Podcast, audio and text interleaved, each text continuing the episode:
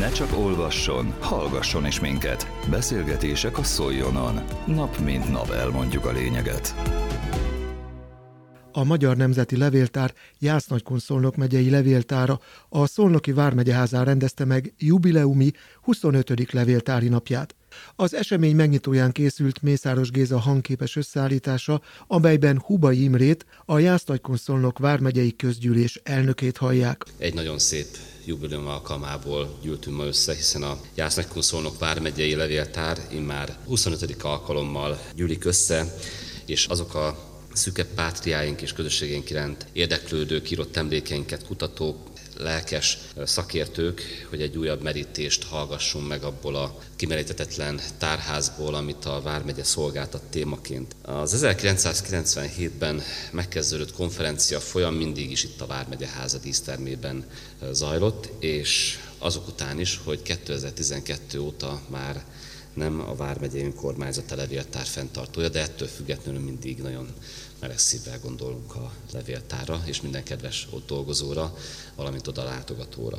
A levéltárak szerepe és ismertsége és elismertsége a rendszerváltás után jelentősen megnőtt, hiszen a múltat már nem kell végképp eltörölni, hanem azt megismerni szeretnénk inkább, különösen, hogyha a nemzeti kormányunk segítségével ezt az elkötelezettségünket mindenféle segítség körbeveszi.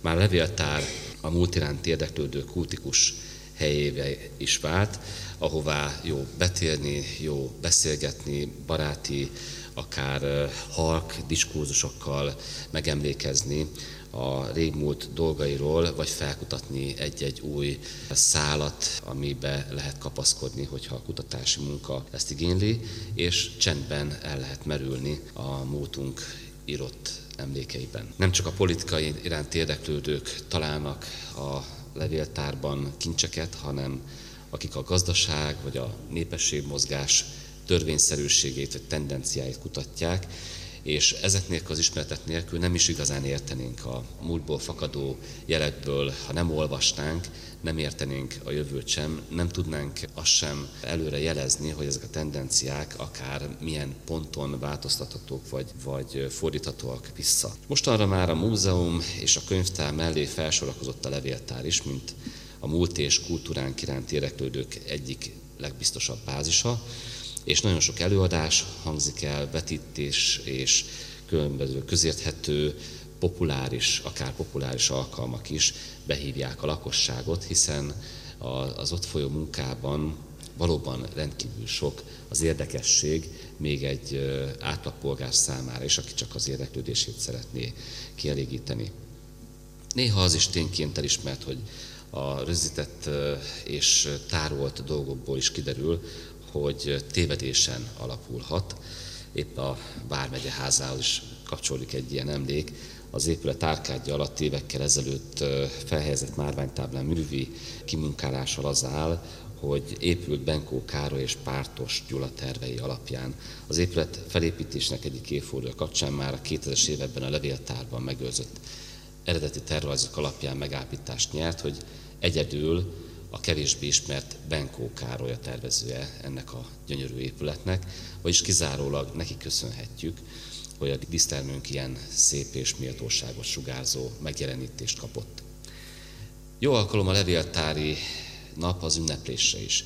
Az idei emléknappal díjazott személlyel az a társadalmi kapcsolatrendszer is ünneplésre méltó, amelyel tágabb horizontunkon tudjuk látni saját anyagainkat, illetve összekapcsolódunk a más fenntartó hasonló küldetésű intézményekkel és elhivatott közösségekkel, személyekkel, tudományos munkát, tudományos értekezéseket készítő kollégákkal.